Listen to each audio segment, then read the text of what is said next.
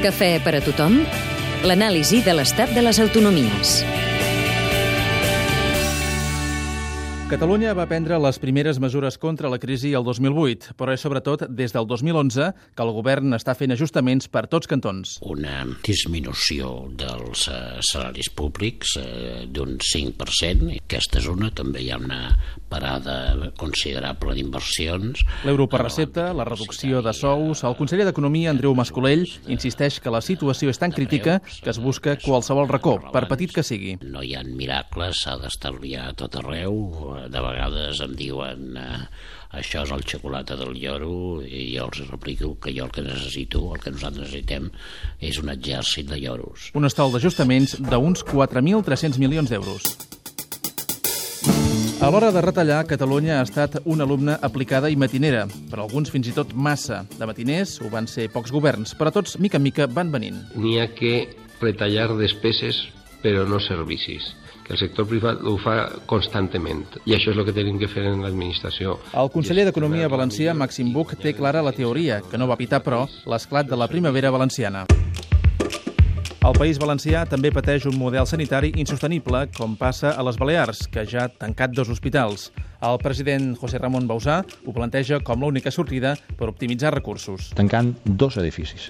El mateix servei sociosanitari s'adonarà amb un altre centre amb un cost menor. Jo no veig que hi hagi res dolent per donar el mateix servei i estalviar 26 milions d'euros, que és el que ens estalviarem. El País Valencià i les Balears aporten més del que reben, com passa a Madrid, que ara té més dèficit del que s'havia anunciat. Ara pujaran 65 taxes, instal·laran alguns peatges i, de fet, ja fa temps que acomiaden professors interins. L'enfado en Madrid... Així se'n queixa un representant del sindicat d'estudiants, Toil Delgado. A nivel estatal, al fin y al cabo, aquí eh, los recortes que ha aprobado el gobierno del Partido Popular ya se han hecho. Aquí se han despedido a inicio de curso a 3.200, entre 3.200 y 3.500 profesores. Un dels casos primerencs a l'hora de començar els ajustos, amb les protestes dels farmacèutics incloses, és el de Castella-La Manxa.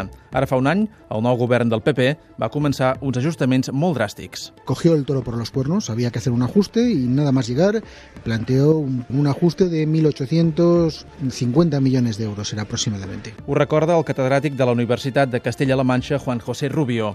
Han reagrupat centres de salut, escoles en pobles petits i encara els queda molt per fer, perquè se'ls ha acumulat un dèficit del 7,3%, el més elevat de tots. Que la comunidad autónoma tiene que hacer casi el 15% del ajuste total del conjunto de las comunidades autónomas para un peso específico de su Producto Interior Bruto respecto al nacional del 3,5%. O sea, un ajuste, eh, jo diria que brutal. Per què tants problemes en una comunitat que no té, per exemple, el dèficit fiscal que denuncia Catalunya?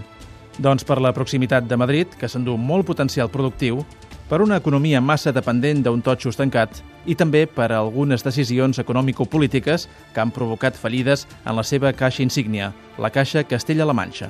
Per què? Y es que muchas veces han sido la línea fundamental de financiación de actuaciones, en algún caso no explicables desde el punto de vista de eficiencia económica, que han adoptado determinado tipo de gobiernos. A Extremadura, una de les més subsidiades, tenen el segon dèficit més elevat de l'Estat. Ara preveuen una de les mesures que més costa tirar endavant, retallades a funcionaris, que s'han de sumar a les que ja s'apliquen a la sanitat. Les queixes del sector en són familiars. Mónica, infermera. Yo no voy a atender igual a 5 pacientes que a 20. No puedo. Y eso ocurre. Recórrer els impostos s'imposa sobretot a Navarra i Euskadi, on l'elevada independència fiscal els obliga a espavilar-se més per la banda dels ingressos. Ir ajustando eh, las subvenciones allá Això sí, donde no a l'hora d'explicar els ajustos, el conseller d'Economia basc, el socialista Carlos Aguirre, es permet assegurar que no toquen ni sanitat ni educació. Y lo que no hemos hecho es tocar los grandes servicios, sanidad y educación. Per bé o per mal, els plans d'ajustament imposats pel govern espanyol han suposat finalment un altre cafè per tothom. Catalunya aquí ha tornat a ser la primera, però a diferència d'altres ocasions, aquest cafè més amarg pocs més se'l volien demanar.